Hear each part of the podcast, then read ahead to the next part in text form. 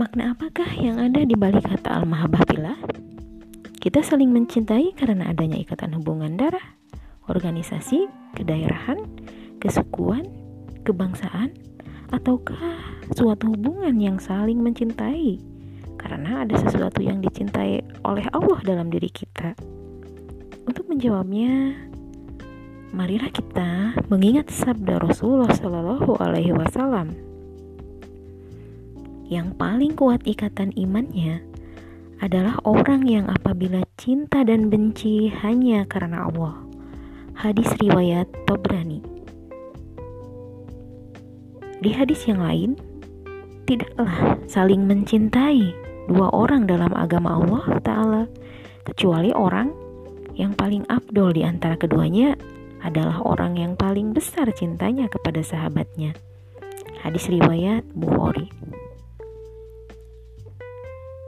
Saudaraku, sesungguhnya arti cinta karena Allah adalah kita saling mencintai karena ada sesuatu yang dicintai oleh Allah dalam diri kita. Karena itu, kita tidak boleh saling mencintai karena zat kita masing-masing, melainkan di dalamnya terdapat sifat-sifat yang dicintai oleh Allah kita lebih mencintai seorang muslim yang konsisten dengan perintah-perintah Allah daripada seorang muslim yang bermaksiat kepada Allah.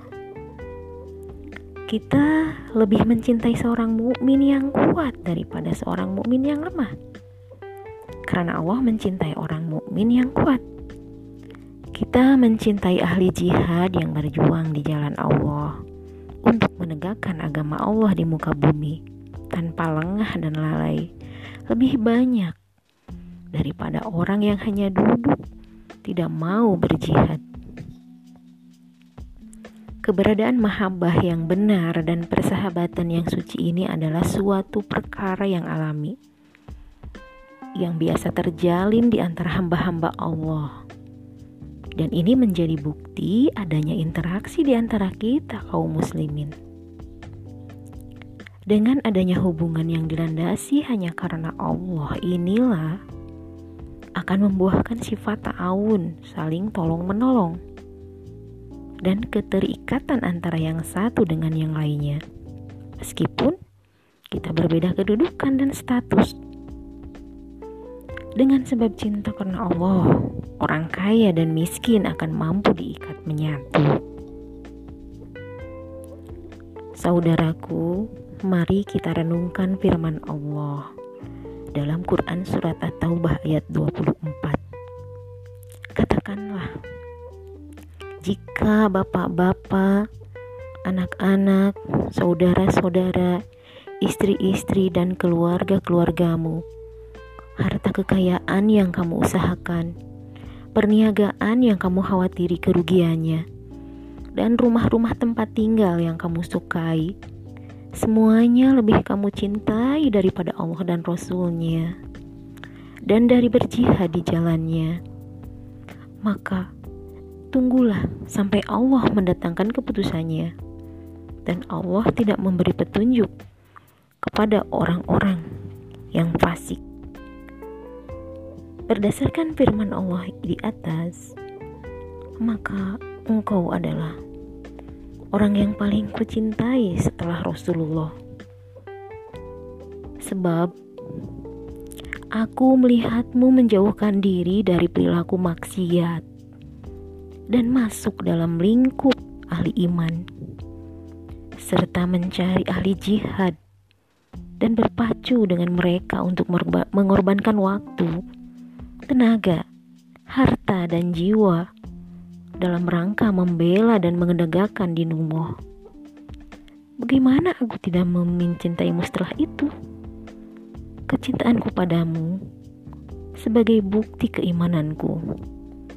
Sebagaimana sabda Rasulullah Shallallahu Alaihi Wasallam, tiga perkara yang bila ada dalam diri seseorang, maka ia akan mendapatkan manisnya iman cintanya terhadap Allah dan Rasulnya melebihi cintanya terhadap yang lain.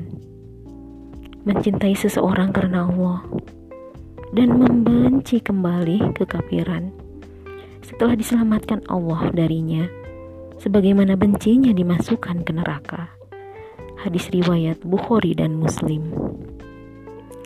Oleh karena itu, janganlah heran apabila cintaku terhadapmu melebihi pada ayah, ibu, istri, anak-anak, dan saudaraku, selagi mereka belum mencintai apa yang telah kamu capai.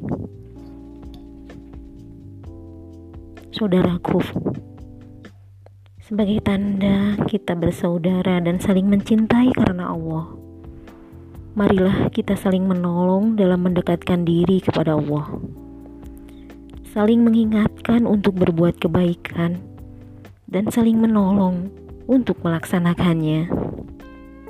Kita berzikir kepada Allah, membaca Al-Quran, sholat malam, puasa, mengaji, berdakwah, beramar ma'ruf nahi mungkar, serta lain-lain ibadah secara bersama-sama. Dengan begitu, kita saling tertarik mencapai ketinggian dan kemuliaan. Sehingga pertemuan-pertemuan kita adalah dalam hal-hal yang dicintai Allah.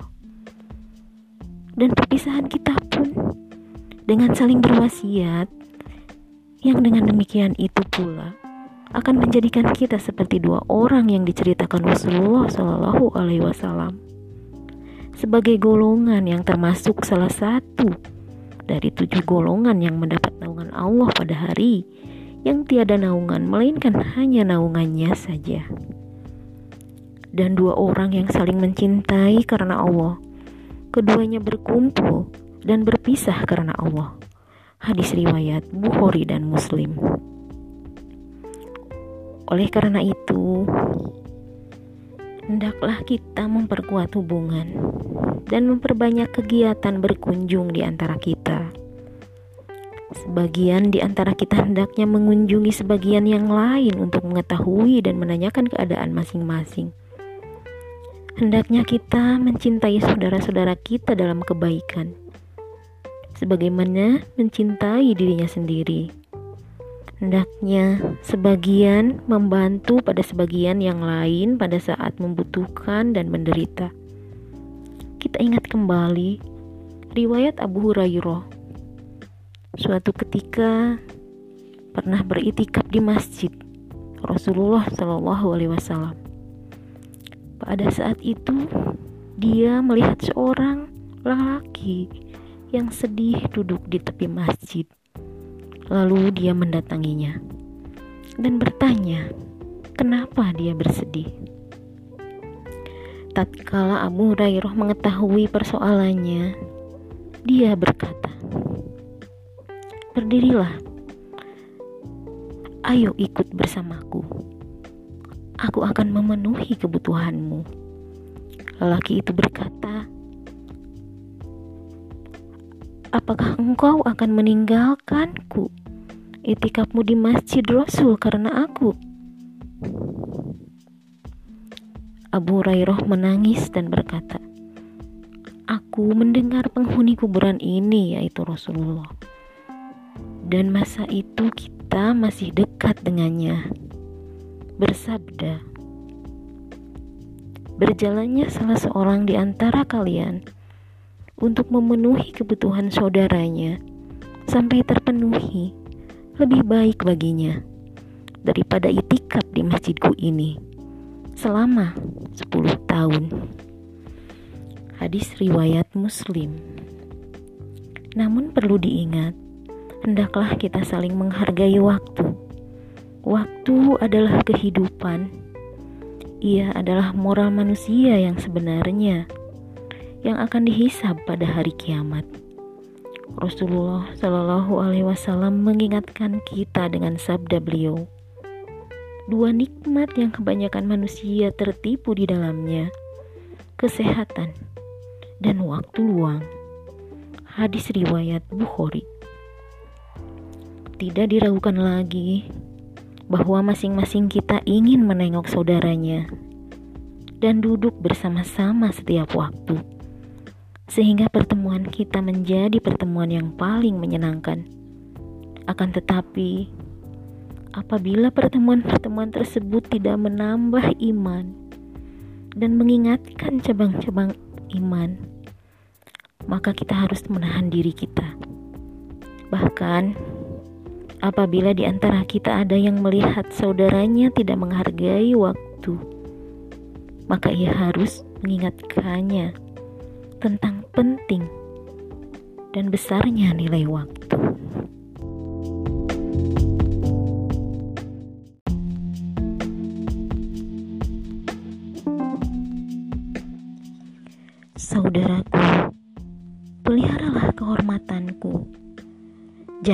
Engkau menggunjingku atas nama apa pun, misalnya demi kebaikan dan lain-lain. Bayangkan, seakan dirimu adalah aku. Bagaimana perasaanmu terhadapku jika kamu mendengar diriku menggunjingmu? Ingatlah, jika hidupmu ingin selamat dari nista, agamamu mulia, dan hartamu terjaga, janganlah sekali-kali engkau buka rahasia pribadi seseorang. Karena semua orang mempunyai rahasia pribadi dan mereka juga mempunyai lidah. Dengan demikian, kita harus meninggalkan perbuatan menggibah sesama kita, yaitu menyebut keburukan saudaranya di belakang punggungnya yang benar. Hendaklah kita menyibukkan diri kita dengan menyebut aib, kelemahan, dan keburukan orang-orang kafir dan munafik, dan menjelaskan makar yang mereka kerjakan sepanjang waktu untuk menghancurkan Islam dan kaum Muslimin. Supian bin Abi Hasain Al-Wasiti berkata, Aku menyebut keburukan seseorang lelaki di samping Ayas bin Muawiyah al-Majini, seorang kodi di Basroh. Dia adalah seorang tabi'in yang kecerdasannya pilih tanding. Lalu dia melihat wajahku sambil berkata, Apakah Anda pernah memerangi Romawi, Sin, Hindia, dan Turki? Aku jawab, tidak. Maka dia berkata, Mengapa Romawi, Sin, Hindia, dan Turki selamat darimu? Sedangkan saudaramu yang muslim tidak selamat darimu? Supian berkata, setelah itu aku tidak pernah mengulanginya lagi. Saudaraku, Janganlah engkau berprasangka buruk padaku, sebab prasangka adalah perkataan yang paling bohong. Sebagaimana tersebut dalam hadis Rasulullah Shallallahu Alaihi Wasallam. Jauhilah prasangka, sebab prasangka itu perkataan yang paling bohong. Hadis riwayat Bukhari dan Muslim. Karena itu, Janganlah menghukumku tanpa dasar dan bukti yang jelas dan benar. Dan jangan pula bergaul denganku atas dasar prasangka tersebut. Orang mukmin hanya berprasangka baik terhadap saudaranya sesama mukmin. Apabila engkau tidak dapat menahan prasangkamu terhadap diriku, janganlah engkau simpan saja di dadamu atau engkau bicarakan dengan orang lain. Akan tetapi, segeralah datang kepadaku, sehingga aku dapat jelaskan apa yang sesungguhnya terjadi. Sebab, apabila masing-masing kita menyimpan prasangka terhadap yang lain, maka itu akan menjadi beban di dadanya, sehingga apa yang kita tampakkan berbeda dengan apa yang ada di dalam hati. Untuk menghadapinya, maka masing-masing kita harus bertakwa kepada Allah untuk dirinya sendiri dan untuk saudara-saudaranya. Jangan sampai ada yang menuduh atau berprasangka terhadap yang lain, agar pintu setan tidak terbuka. Saudaraku, suuzon atau buruk sangka akan menyeret seseorang untuk melakukan tajasus atau mata-mata yang telah diharamkan oleh Allah sebagaimana tercantum di dalam Quran surat Al-Hujurat ayat 12 Hai orang-orang yang beriman jauhilah kebanyakan prasangka. Sesungguhnya sebagian prasangka itu adalah dosa dan janganlah kamu mencari-cari kesalahan orang lain atau tajasus. Dan janganlah kamu menggunjing sebagian yang lain. Seorang muslim haruslah menutup aib saudaranya dan tidak memperhatikannya. Ini termasuk salah satu khas ahli takwa. Abdullah bin Al-Mubarak berkata, Seorang mukmin suka memberi banyak maaf dan munafik suka mencari-cari kesalahan. Sudah dikenal bahwa sumber sikap lalai dalam menutup aurat atau aib atau keburukan seseorang yang tidak ingin diketahui orang lain dan sikap gemar membuka aib adalah rasa dengki dan hasad. Mukmin yang benar menjauhkan diri dari sifat yang demikian.